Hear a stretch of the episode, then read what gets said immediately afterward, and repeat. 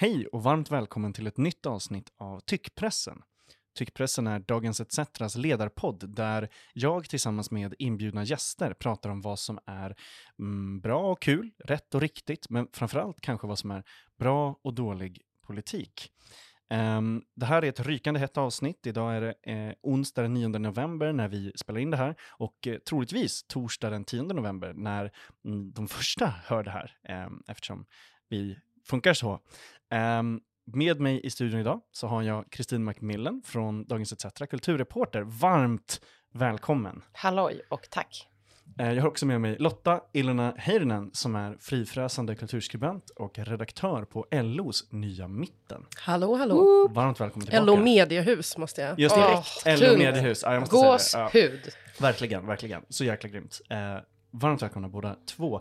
Eh, jag har döpt dagens avsnitt till Musk och Margot låter som en lyxkrog. eh, och, eh, eh, men, men innan det, eh, innan de punkterna som jag skickar till er så vill jag bara säga, eh, eh, ni kanske inte har hunnit läsa det här för att det här var i morse på Expressen, men det, det har lite med det här att göra så därför vill jag bara bolla det här med er. Ehm, den nya utbildningsministern Mats Persson, liberalen, ehm, som, eh, han har gått ut nu och sagt att eh, en av de första grejerna han ska göra i sin nya roll som utbildningsminister är att tillsätta en tung utredning. En, en, en, eh, han ska initiera en granskning och en utredning. Eh, om ni bara helt fritt, får ni, om du får gissa vad Mats Persson tillsätter för utredning? Uh, alltså, vad cancelkultur hörde jag någonting om, men jag har inte läst Expressen än. Vad tror du? Oj, en granskning och utredning.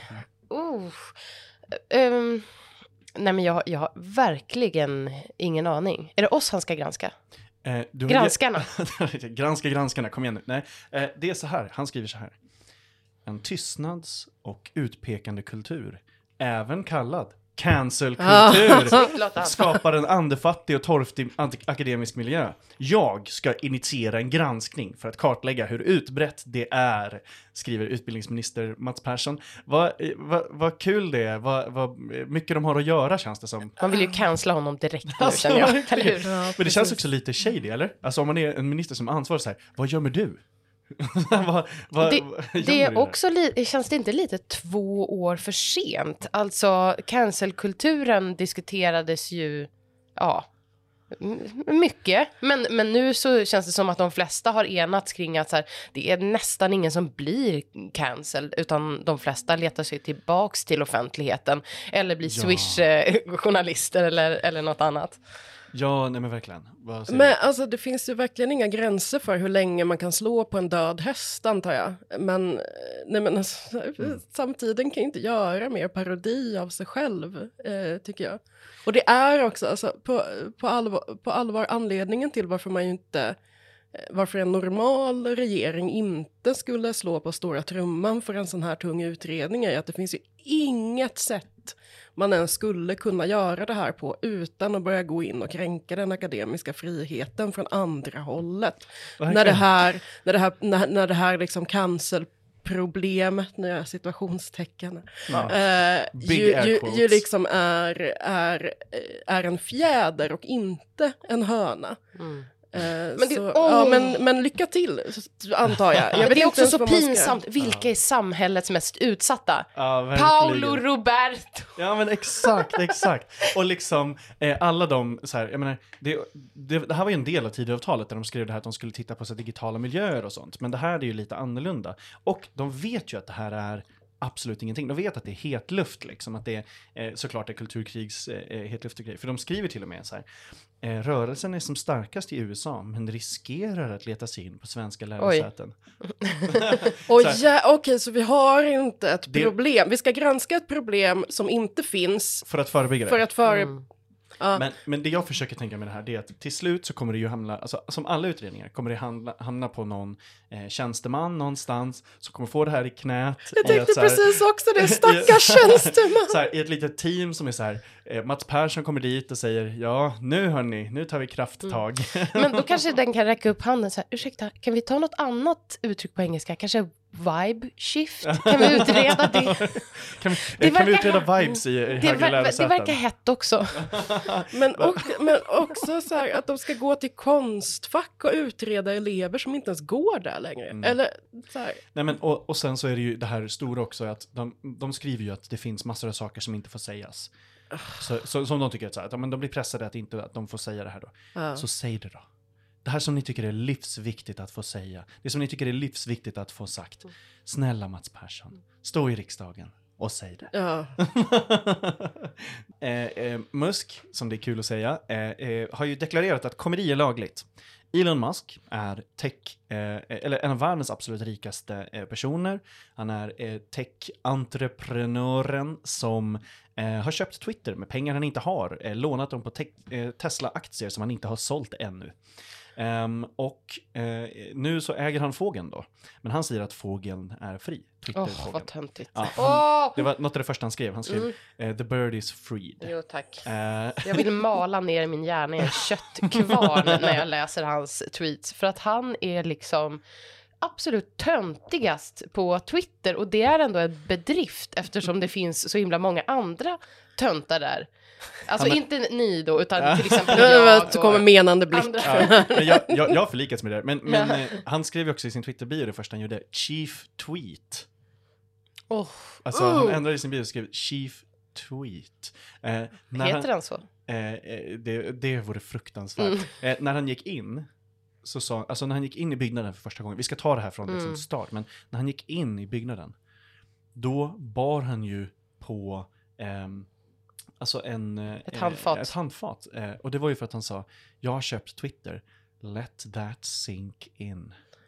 Det Wow. är verkligen slow clap. Alltså en riktigt eh, seg trumvirvel på det skämtet. Ja, om man bara tänker hans liksom fans av Mm. sälar som är så här, uh, uh, uh, fan vad bra Elon, uh, uh. Men han ville så himla gärna vara cool och rolig. Alltså av alla sätt att hantera medelålderskris, eh, 44 miljarder på... Men alltså fatta att vara så, fatta att vara så rik. Eller liksom, och, och, få, och få möjligheten att säga, nej men 44 miljarder för att det här är, för att jag tänker ha Twitter som hobby, typ. För att jag blev hånad tillräckligt in i att göra det här köpet. Mm. Ja, men jag var, den, den enda gången som jag själv har liksom varit eh, inne i eh, den, den liksom riktigt rika klassen i Sverige. Jag hade en kompis som gjorde liksom en, en privatutställning som, och jag blev inbjuden på vernissagen och jag trodde liksom att vi skulle åka ut i skärgården och jag trodde att det var liksom något, något galleri i skärgården vi skulle till som skulle vara öppet för allmänheten. Visade sig att nej, det var ett hus eh, som Mm. inte är öppet för allmänheten. Eh, och då så var det liksom en fastighetsägare som köpte upp hus runt om i Sverige som han liksom bara tyckte var kul. Det fanns ingen ekonomi i det alls. Bland annat har han köpt eh, Dragon Gate. Yes, Eh, Dragon Gate, Dragon Jajamän, Gate, alltså, Gate, alltså att han tar ju det här på allvar. Eh, men, men, men att då insåg jag att att, okej, men du är så rik att du kan ha lustiga fastigheter som hobby. Ändå en alltså av alla hobbys man kan ha ja, så tycker jag att det där är roligare Jag skulle, än jag, skulle, Twitter. jag skulle valt det Ja. för Twitter any day. Och det här skärgårdshuset var då det enda huset som fanns kvar efter Stockholmsutställningen 1912. Ja, och då välja att fylla det med konst, alltså det är ändå en kulturgärning, kanske den konstnären då fick betalt. Alltså, ja. För, för de som kunde vara där, det var inte för allmänheten. Nej, men- Nej, ja. nej, precis. Det var en kulturgärning för hans rika Det- kompisar. Eller, ja, Ja, nej, Och mig, och håller med. mig. sant. Ja, Ja, exakt, exakt. Och, jag, och det, då, är- det är faktiskt... då Jag gjorde också en princip av att presentera mig själv som socialistisk redaktör för alla jag träffade. De tyckte jag var fantastisk och att det var jättespännande. Mm. Just det, men det är ju också, de tillräckligt rika, Titta de på älskar ju apan. det. Ja, exakt, de älskar ju det. eh, nej men, och det jag vill fråga, min fråga till er nu. Är komedi lagligt nu? Kristin, vad säger du? för att Elon Musk har... Han skrev det, han skrev comedy is legal now. Uh, alltså, ehm, jag vet inte om jag riktigt eh, eh, håller med om hans definition av komedi. Alltså det, vi verkar ha helt olika sorters humor he, helt enkelt. Men det, alltså det har väl aldrig varit olagligt mer, mer så. Lotta, vad säger du? Twi- Är, är komedi lagligt? Twitter är väl ett av de ställen där, där, där komedi har varit som minst olagligt av alla sociala medier om man ska utgå efter Elon Musks definitioner. Typ så här, du är en jude, höhö. Det är ju humorn han han, han det är det han säger, på. precis, det är det han säger eh, lagligt nu. Men, men så att det verkar som att den sortens, eh, jag försöker kalla det för skoj, jag känner mm. att jag Uh, att jag är ute och vadar i mycket skarvar, djupt vatten ja. ens, ens, när, ens när jag försöker ironisera om det här. Uh, men så det är väl kanske lagligt, ännu mer lagligt nu då. Men med en brasklapp för att ganska snabbt gick han ju ut och sa att eh, satirkonton var tvungna att tydligt ange att de var satir i sina nix för att de inte skulle bli, eh, bli, eh, bli, bannade. bli bannade. Då såg jag någon som hade börjat twittra, eh, jag, jag kommer tyvärr inte ihåg hela, men han hade liksom hans skämt-tweet var liksom en tråd där han först inledde med liksom en massa finstilt juridiskt lingo. Liksom, att så här, det här är humor under the act off och så här, med, och, och kom med liksom just brasklappen om att så här, det, här är, det här är satir under akt XYZ under the regime of Musk. Typ. Mm. Sen kom skämtet som jag inte ens minns, men, det, men ungefär så verkar, verkar ju men han vill vara en yttrandefrihetshjälte. Ju. Vad tror du, Max? Um, så här. Alltså... Kommer han lyckas med det? Eller? det finns ju vissa problem. Till exempel att annonsörer då drar sig ut och han behöver ju desperat få in pengar till det här. Och det här är ju eh, eh, Janus eh, eh ansiktet av Musk att ehm, han sa ju då att ja, men, komedi är lagligt, eh, fågeln är friad och att de, eh, han sa tydligt också att alla som har fått eh, permabans, alltså som aldrig någonsin får återvända till Twitter. Alla sådana ska gås igenom av ett team. Um, och då direkt skrev jag en teknikreporter på The Verge att ja men grattis eh, Anders Bering Breivik och IS, ni kommer få era fall genomgående här av, av den här gruppen. Um, eh, för att han ville då signalera att eh, eh, fler ska komma tillbaka, han också hintat på att han skulle då släppa tillbaka Trump som jag, jag i och för sig tycker att han borde, det hade varit det roligaste, det är det roligaste apropå så här, komedi, eh, det, det hade varit eh, toppen. Men, Men tänker du, då, tänker du humor är lagligt, välkommen tillbaka Donald Trump. Ja, det hade varit toppen. Clownbilen. Mm, ja, men, ja, ja, men också att eh, Trump är kul. Alltså, mm. det, han är rolig. Eh, Till skillnad från Musk då. Ja, ja, verkligen. Mm. Men, men det är i alla fall tur att, alltså Biden är lika rolig, det vill jag bara säga. Biden är askul. Är han det? Eh, ja, han är jätterolig. På vilket sätt då? Jag har eh, inte kollat hans tweet. Såg du inte halloween när det, det kom fram en liten kille i dödskallemask och det såg ut som att Biden blev rädd på riktigt.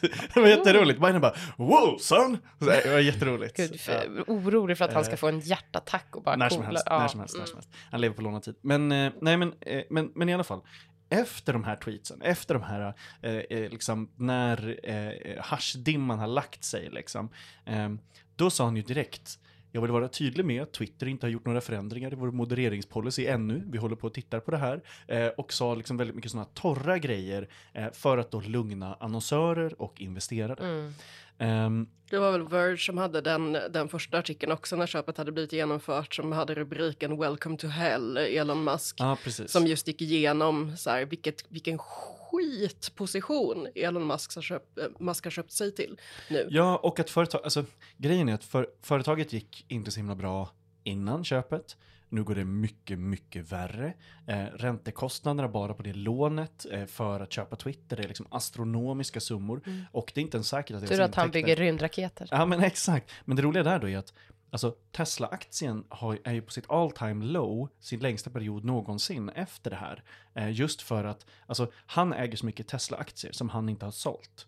Och de, blir, eh, de får ett sämre värde, även när det går dåligt för Twitter, för att han har använt dem som bakgrund för lånet. Mm. Alltså, så att nu Igår och i förrgår så har han paniksålt eh, eh Tesla-aktier för så 4 miljarder dollar, men det är fortfarande ingenting för hela köpet. Liksom. Men det var bara för att kunna få ut lite cash. Liksom. Eh, men sen har massor av andra på Twitter behövt gå ut och säga eh, Elon Musk följer samma regler som alla vi, eh, det är ingen fara, han är inte God Emperor. Han har ju också köpt in... pratar som en. Ja, men han har ju också köpt in sig ett företag som alla journalister hänger på, så att alla kommer ju granska det här och följa minsta liksom lilla snedsteg. Verkligen, och det första kanske snedsteget då, det var ju att han, de gick ut och sa att eh, Elon behövde tänka på snabba sätt att få in nya pengar. Mm. Eh, det han först sa då var att man skulle betala 20 dollar i månaden för att behålla eller få sin verifiering. Alltså även behålla sin verifiering. När man Äntligen har... en chans för mig. Ja, men exakt. När man har den här lilla blå bocken då som visar att eh, du är du, Eh, Som känd, många kändisar har ja, till exempel. Alla statskonton, mm. eh, olika institutioner, eh, organisationer, alla mediehus eh, och eh, jättemycket journalister också, inte vi. Eh, men, eh, men 20 dollar. Ja, exakt. Men då Stephen King. Kingen. Vilken Kingen? Stephen, Stephen Kingen eh, twittrade om det här och sa jag kommer aldrig i mitt liv betala för det här, eh, det kommer inte hända. Eh, I sin, han sa det mycket snyggare eftersom han skriver och pratar så vackert. Eh, men eh, då svarade Elon Musk under den, men 8 dollar då? Eh, och, Började direkt pruta. Ja, omedelbart. Eh, mm. Och det är där som det då förslaget verkar ligga. De har också dragit tillbaka att de som redan har verifiering ska behöva betala för det. Utan det är bara för de som, liksom, de nya. Men, och här kommer ett stort men. Alltså, det såg ut som först i planen att de som då betalar för en verifiering, eh, eh, att de i sig skulle kunna rätt lätt lura Twitter om vem man är.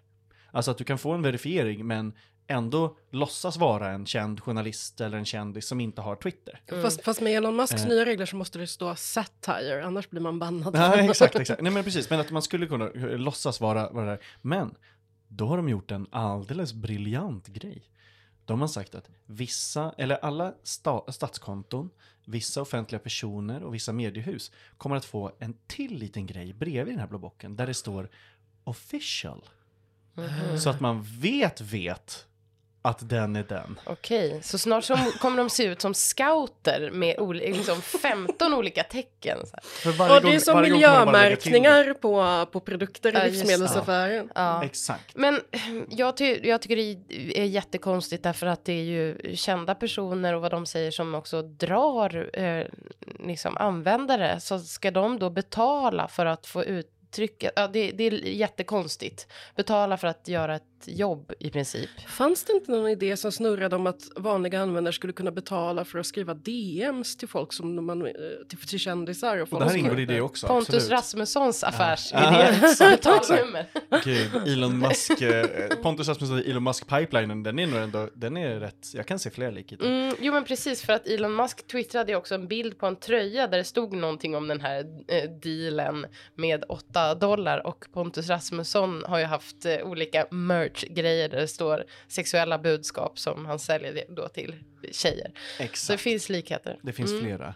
Nej men och eh, det här då, eh, alltså det är också så att intäkterna för det här drar in mycket, mycket mindre än vad han faktiskt behöver. Alltså det här är en spottstyver jämfört med annonskostnader. Jag såg en uppskattning som var att det skulle vara, eh, om, om det var typ att 10% av Twitters användare betalade för det här, då skulle det vara typ så här en femtedel av de förlorade annonskostnaderna. Mm. Eller, alltså det var någon sån i den storleksordningen, liksom, att det är en katastrofidé även det här. Och alltså, Elon Musk verkar ju aldrig någonsin ha haft en bra idé själv. Alltså, det, det, verkar alltid vara att det är någon annan som, som har haft det först. Liksom. För att den här hyperloop som är jättestor, liksom, det är en tunnel. Eh, och typ allt annat har han gjort tillsammans med andra. Men jag, jag vill ställa liksom en fråga, för att för mig så är han en till eh, sån här super, super rik eh, man som failar uppåt. Alltså, hur blir man en sån? Hur, hur, hur, liksom, man bara, kan, man, kan man bara fortsätta misslyckas och bli liksom, hur kan man bli så här mäktig bara av att misslyckas? Men jag tror att det bygger på ett samhälle som inte ser upp till någonting annat egentligen än pengar.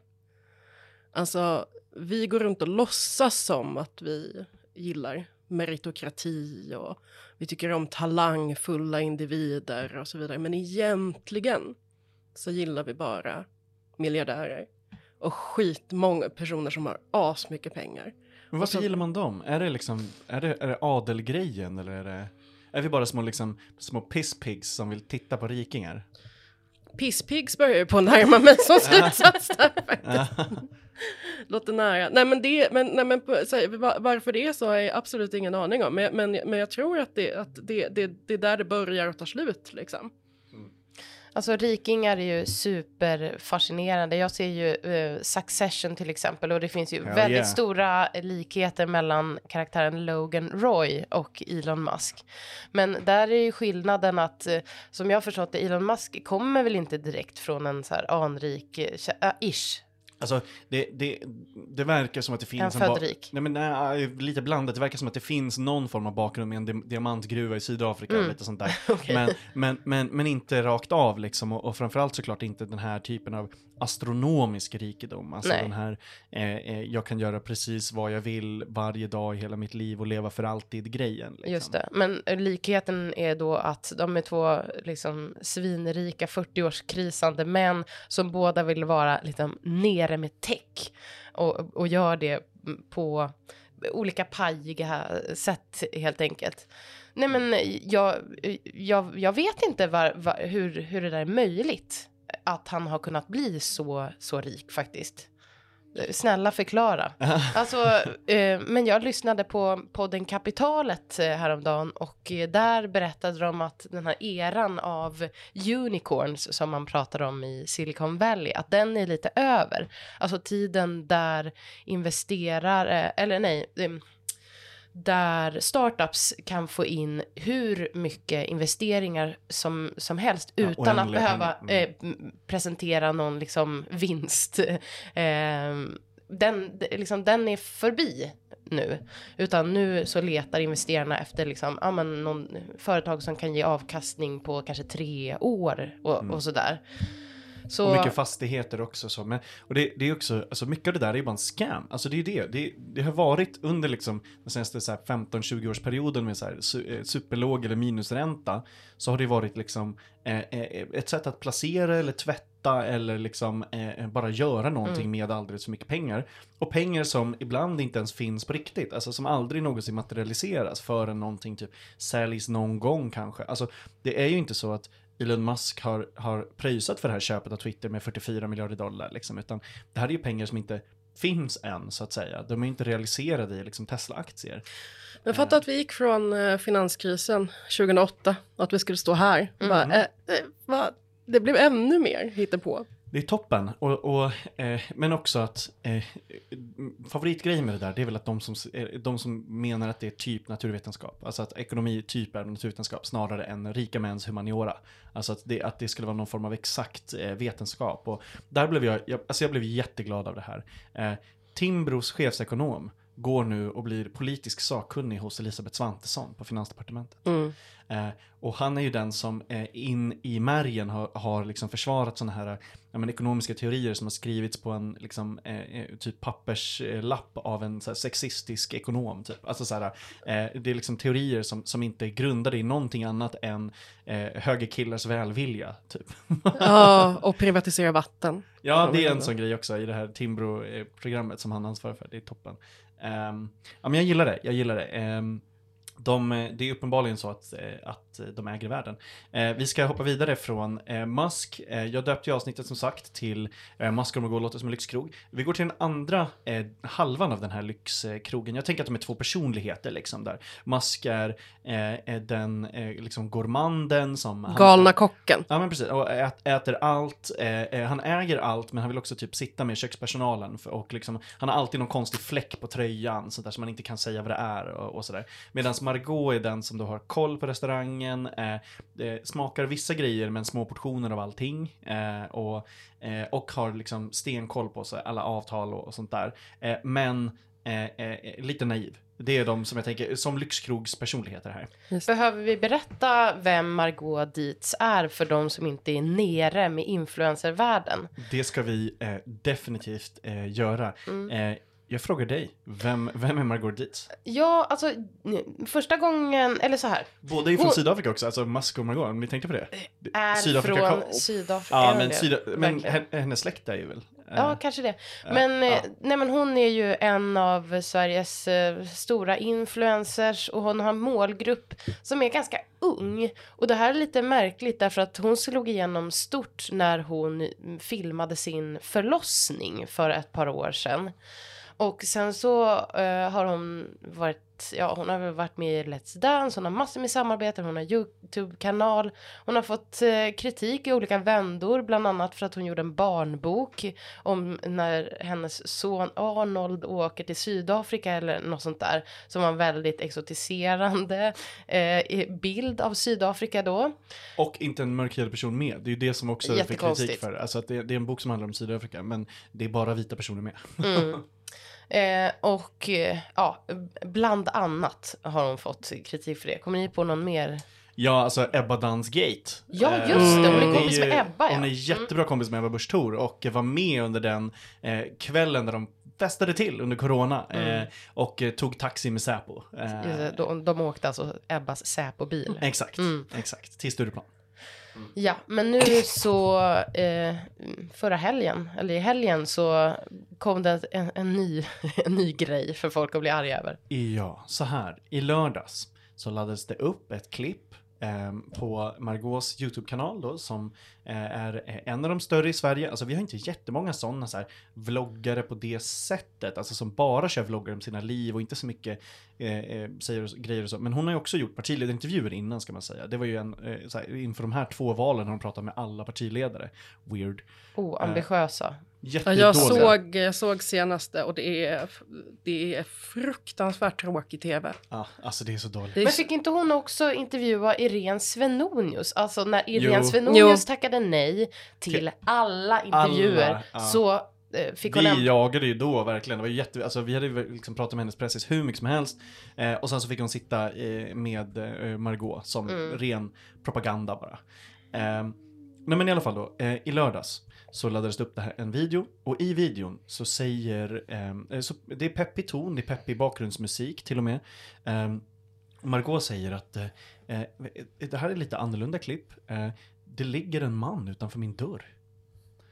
Eh, eh och eh, då säger hon att ja, men han är lite blåslagen och lite blodig.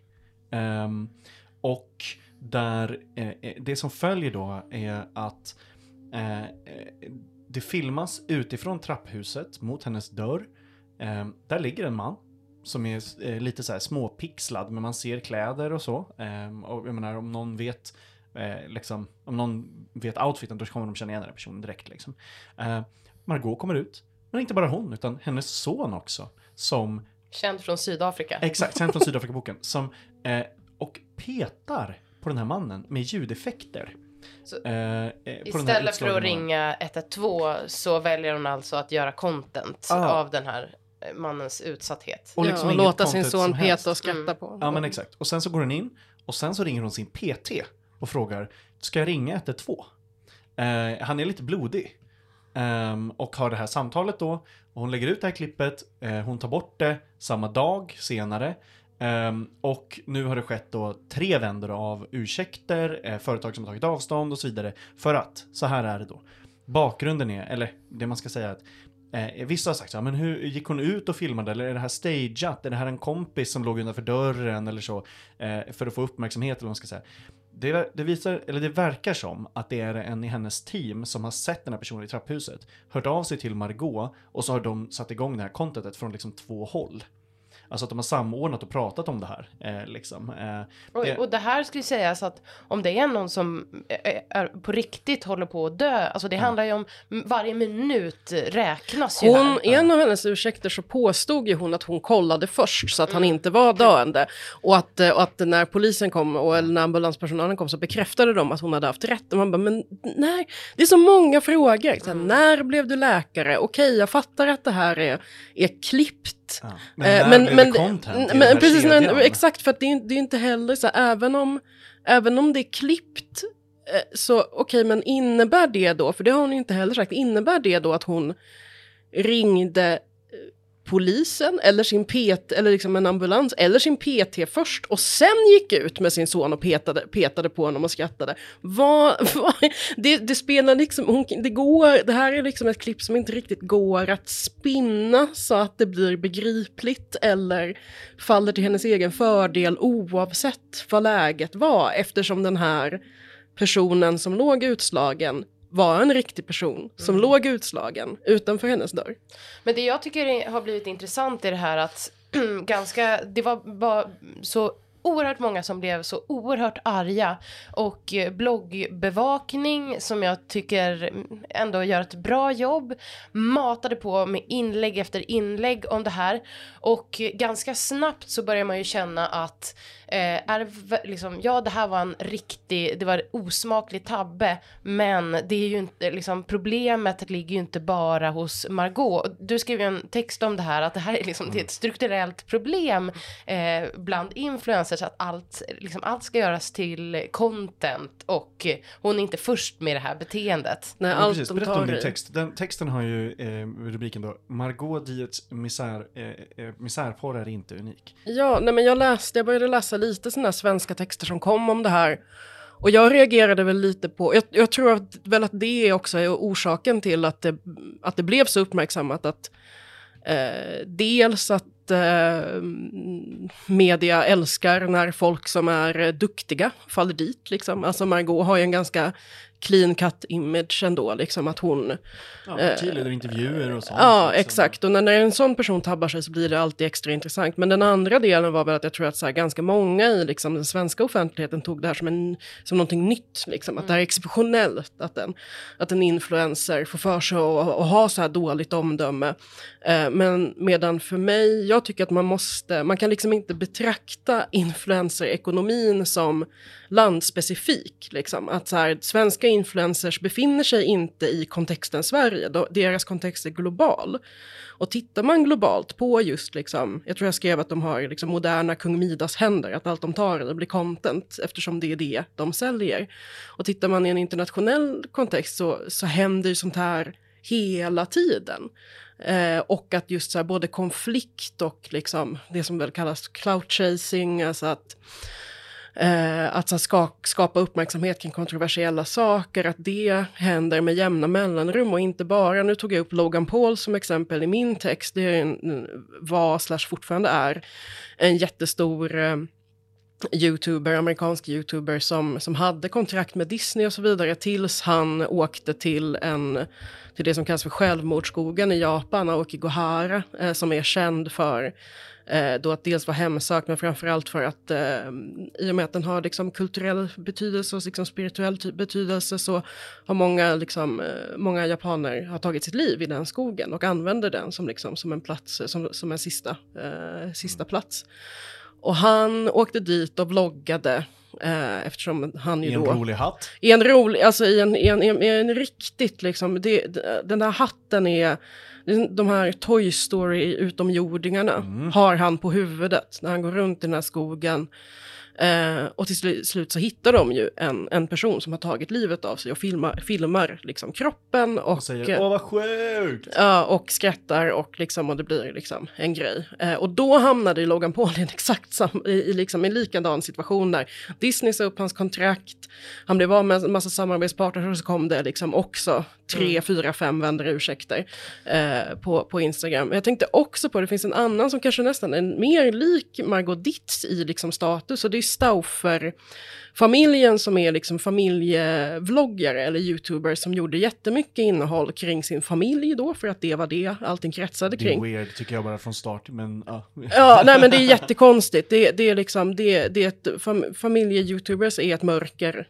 Men det tycker jag typ om mammabloggare också så, äh. så jag vet inte men um, och, och, en del av deras uh, en del av deras innehåll var då när de ska liksom de har redan fyra barn biologiska barn ska de adoptera ett femte barn de väljer att adoptera eh, en son som har eh, en NPF-diagnos från Kina och de vet om det här. Liksom, och, de, och då blir det liksom så ska man kalla det för godhetssignalering, liksom, att de, de tar på sig det här för dem, så här, hans, hans upp, de kommer kunna ge honom så himla mycket bättre uppväxtvillkor och det här är liksom en plikt och det här Pity points.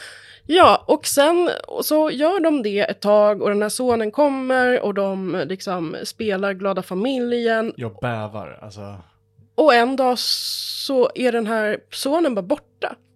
De fortsätter att göra liksom familjevloggar. Ruh-roh. Men den här sonen finns inte.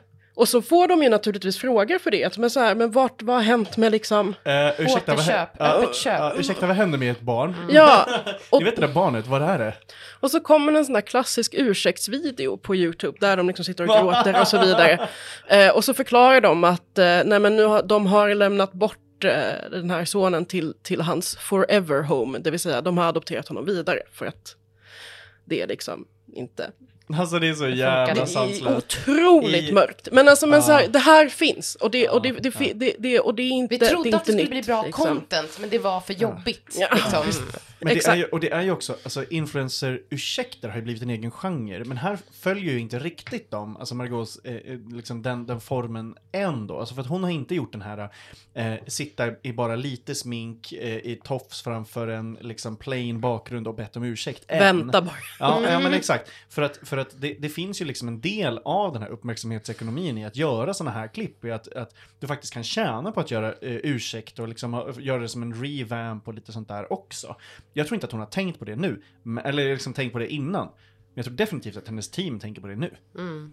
Uh, Ah. Och jag tror att de annonsörer och så kallade samarbeten som hon, alltså de samarbetspartnerna, de kommer komma tillbaka därför att det finns så mycket pengar. Hon når en målgrupp ah. som är svår att nå och, och, så, och så vidare. Så att, och det, jag har satt här i veckan med en lista eh, om de åtta, sju sjukaste, nej, åtta åtta sjukaste övertrappen från svenska influencers. Ah. Eh, och det man kan se då är ju att det är ju ingen som har blivit cancelled Nej, apropå, utan snarare liksom tvärt tvärtom. Karriären har pekat eh, spikrakt uppåt. Titta på Logan Paul, han som filmade mm. ett lik i den här japanska skogen. Han är större än någonsin. Mm. Eh, sen så åkte han på pumpen för att han gick på massa NFT-dumheter och köpte massa eh, Pokémons på NFT och grejer. Jag bara, jag bara skrattade jättemycket. Mm. Men, men, men han är liksom större än någonsin. Eh, och han gjorde ju en grej som var, alltså så här, han gjorde den grejen. Sen så låtsades han ju skjuta sin kompis framför massa barn också. Eh, och gjorde en till ursäkt, ursäkt video då. men den var ju, det, där var det ju en sån mm. där det här var planerat. Men vi ju alla är ju medskyldiga, alltså tyvärr till det här, därför att det, det är vi som publik som sitter och um, ja, konsumerar den här typen av klipp. Men har vi ehm, jättemycket val? Um, alltså jag vet inte, men, men eh, ja, även om man kanske inte följer såna här youtubers så många lyssnar på Sommar i P1 som fläker ut sina trauman. Alltså det, det är en annan del av det här fenomenet. Eh, tänker jag. Det är en uppmärksamhetsekonomi. Ja. Jag tänker att så här, influencersarna ju, nu gör ju också någonstans bara det som liksom gamla tidens dokusåpastjärnor gjorde. Alltså det visste ju de de som var skickliga på det där, som, liksom, som var med i baren och, och liksom första Paradise Hotel, första Big Brother, Big Brother ja. exakt, de visste ju precis hur man skulle spela på media. Att mm. så, fort det hade varit, alltså man måste vara synlig för att fortsätta vara relevant. Det vet ju också vi från, från Tykonomin, att så här, när det börjar sina så måste man eh, hitta på något galet för att folk ska prata om en. För, eller för att liksom, så här, man vet vilken typ av text som blir läst kan man väl säga. Sen kan man låta bli av värdighet, men vissa gör ju inte det. Eh, Oj, är det så man gör? Tack. Ja, varsågod. Tips. Eh, nej men, och, och, att, och att det är ett sätt att hålla sig relevant i medielandskapet och att hålla sig relevant, eh, alltså det handlar ju om att synas oavsett vad man gör. Publiken älskar gräns, lite gränslösa personer och då kanske inte så himla konstigt heller när en sån person som ja, också följer, faller över gränsen. De följer egentligen bara ja. till sin logiska slutsats. Ja. Alltså eh, Margot följer det till sin logiska slutsats i vad folk gillar eh, och, och, och tittar på och göra. Och det här glider jätte, jättebra över i den tredje och sista punkten som mm. jag har döpt till.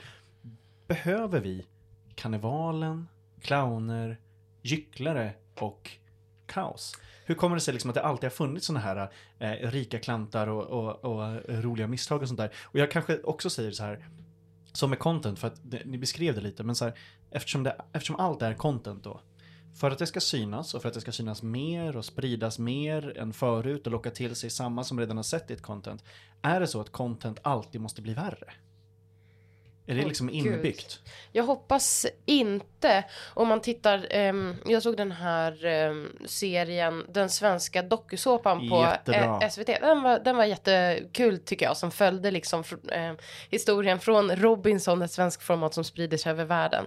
Och där kan man ju se att uh, kanske någonstans kring programmet Kungarna i Tylösand, där pikade det i form av äckel, fylla, gränslösa, alltså vilka de hade kastat och, och sådär. Och på, på så sätt har det inte blivit värre, i alla fall inte i, i tv. Nej. Men det där kanske snarare har flyttat över till YouTube, eller? Absolut lite. Och, och, sen så, men, och sen så har det blivit värre då kanske lite på andra sätt. I att jag upplever att nya Robinson är mycket mer av psykologiskt experiment och liksom eh, sätta råttor i en låda och skaka lådan-grejen än vad de tidigare har varit. Eh, eh, men men eh, ja, absolut. Hade inte, hade inte du på att skriva en text om, eh, om, om någonting som om hade med det här att göra? Ja, precis. Jag, jag har precis skrivit ja. en, en, text med rubriken Vi gycklarkvinnor är inte osexiga, vi är politiska hjältar. Snälla berätta mer om det. Ja, Ja, nej men och, och då tänker inte jag då på gycklare som någonting negativt utan det, um, för, det, för det kan det ju såklart vara politiska pajasar och sådär. Men jag tänkte mer på att det i en extremt dyster politisk samtid finns en, en poäng med sådana oförbätterligare, eh, förbättliga um, åh oh, gud, jag skäms så mycket, men lite spexare. Eh, för, som, som jag. För jag, alltså, jag såg ett klipp på Instagram häromdagen med en kvinna som med en kastrull på huvudet Gud, jag såg den också. låtsades spela samba för sin man. Jag blev och, så lycklig när jag såg den, hon ja, är typ så medelålders. Ja, bara, medelålders. Och framför brösten så har hon då två stekpannor över skrevet, ett rivjärn som hon slår på med träslevar. Och då kände jag mig så åh gud, alltså att jag kände mig så besläktad med här kvinnan. Och då messade jag min man så bara, är, är det här min personlighet? Och så hoppades jag på ett nej och ett nej kom inte. ja, alltså jag visade den också för min sambo och så sa jag, gud jag önskar verkligen att det här kommer vara jag om 20 år. Ja, eh, eller... Det är den medelålderskrisen man vill ha, inte den när man lånar 44 miljarder och köper Twitter. Men den är väl också en annan grej då, då också, i att här, jag menar, hon gjorde ju inte det där för att tjäna pengar. Nej. Gjorde, alltså, fine att det kanske någon, alltså på något sätt är content ändå i och med att så här, det är filmat och, och så liksom. Men det där är, är ju mycket mer av det, liksom, det, det, känns inte som att det där eh, slår an samma grej i så här, eh, kapitalismbiten av söka Nej, jättemycket uppmärksamhet, det är det man hatar. bygga man varumärke. Hatar ju bara reklam rakt ja. av, det är det som är det, är det, som är det äckliga ju.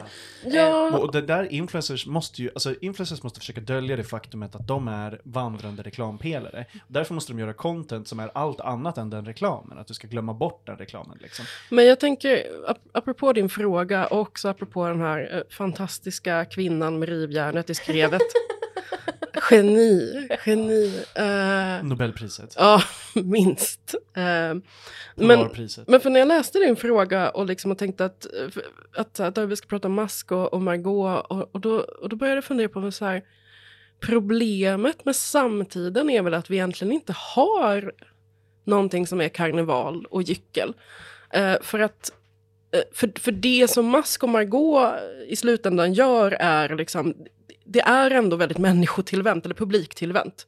Det är Kardashians också, det är norm. Det är liksom, det ska vara, även om vi tycker att de är galna och så vidare, så vill vi fortfarande vara dem. Liksom. Eller och de ska vi... inte vara något utan sin publik. Nej men alltså. precis, så man ser upp till det och det är liksom, de har pengar, de har, liksom, de har lyxar, de, de dricker och äter vad de vill. Eller ja, om de inte är på, band, på, på diet liksom. Men om, om de är det så har de kropparna vi vill ha. De liksom. låtsas åtminstone äta vad de Men och de formar liksom normer och i, i sig och så. Men det som är, är eller ska vara liksom karnevalens och gycklets poäng är att vända upp och ner på allting. Liksom. Alltså, en karneval är liksom, alltså, den, den gamla tidens, liksom, om man tittar karnevaler har funnits hur länge som helst. Liksom, tittar man på så här, antikens, och medeltidens karnevaler och även in på liksom, 1700-1800-tal så poängen är att vända upp och ner på rådande ordning. Det är liksom en dag där, där den rådande ordningen inte gäller och sen går alla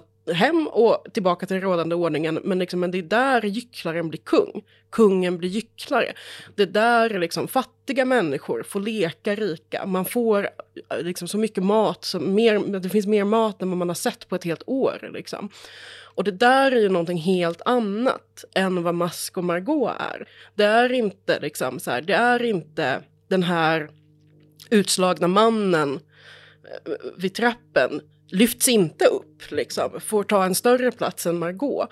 Så det, det, är någonting annat och jag kan, och jag kan känna att, att det den här rivjärnskvinnan är, är ju mer ett sånt gyckel. Det är liksom en medelålders kvinna som är tokig och tar plats, liksom. eller tokig, men, jo, jo, men någon, någonting som vi vanligtvis inte får se. Liksom. Sen finns det typ sociologiska teorier om att poängen med de här karnevalerna var att bevara status quo överhuvudtaget. För att, Just det, släppa lös lite ja, synd för att det inte blir mycket synd Exakt, en ventil ja. liksom. Och, det, det, och jag, vet, jag vet inte om det är sant eller inte, men jag önskar Oavsett så här... är det ju nice, ventiler är nice, Så himla behövs. nice. Och jag, tänkte, jag, jag, tänkte också när jag, läste, när jag läste din fråga Max, att så här, fan det var så jäkla mycket bättre förr. Det tänkte jag också när Carl Philip hade sin jäkla 40-årsfest. en maskerad. Han är prins av Sverige. Och folk kommer i plastiga Buttericks-kostymer. Och jag tänkte att så här, vår överklass är så jäkla dålig. Överklassen var så himla mycket bättre för hundra år sedan. Jag skulle till och med kunna respektera den svenska överklassen om deras fester var så här, jag kommer med jaguarer, jag kommer naken förutom lite äkta diamanter jag har klistrat på min kropp. Eh, vi, har liksom, vi har en björn som dansar i ett hörn. Jag är inte för djurplågeri ska jag bara säga. Men förstå bilden, det är en fantasi, det är någonting annat. Eh, det fanns en, liksom en, en rik eh, markis, eh, Henry Cyril, i, under sekelskiftet som, som så här, han, han, han, hade, han, hade, han hade ärvt alla sina pengar och istället för att bli liksom en respektabel liksom aristokrat efter tidens alla mått som är väldigt så här, klädd i mörkt, stoisk och så vidare var liksom den, typen, den tidens mansideal så är han istället så här superflamboyant, lägger alla sina pengar på juveler i hans, ja, lite osäker på om den här källan stämmer eller inte, för det påstås Whatever. i alla fall att han ska ha haft en bil. Och avgasröret stoppade han liksom full med parfym, så att när han körde runt i den ska det doftat patchouli från den här bilen. Han dog grymt. ju luspank, vilket möjligen Elon Musk också kommer göra. Men det här är ju roligare, det här är bättre. Jag, ja, det här är bättre, jag, jag vill ha det här. Jag är jätte, jätteglad över att få ha med er och jag brukar alltid säga till gästerna att om de har någon absolut sista grej som de vill tipsa tyckpressens lyssnare om precis vad som helst, en tv-serie eller bok eller vad som, så får man göra det. Eh, eh, Kristin, eh, vad har du för tips till tyckpressens lyssnare? Oj, jag, jag vill eh, tipsa om Kontext podcast som jag tycker är toppen. Det är som att liksom andas frisk luft i den deprimerande politiska samtiden.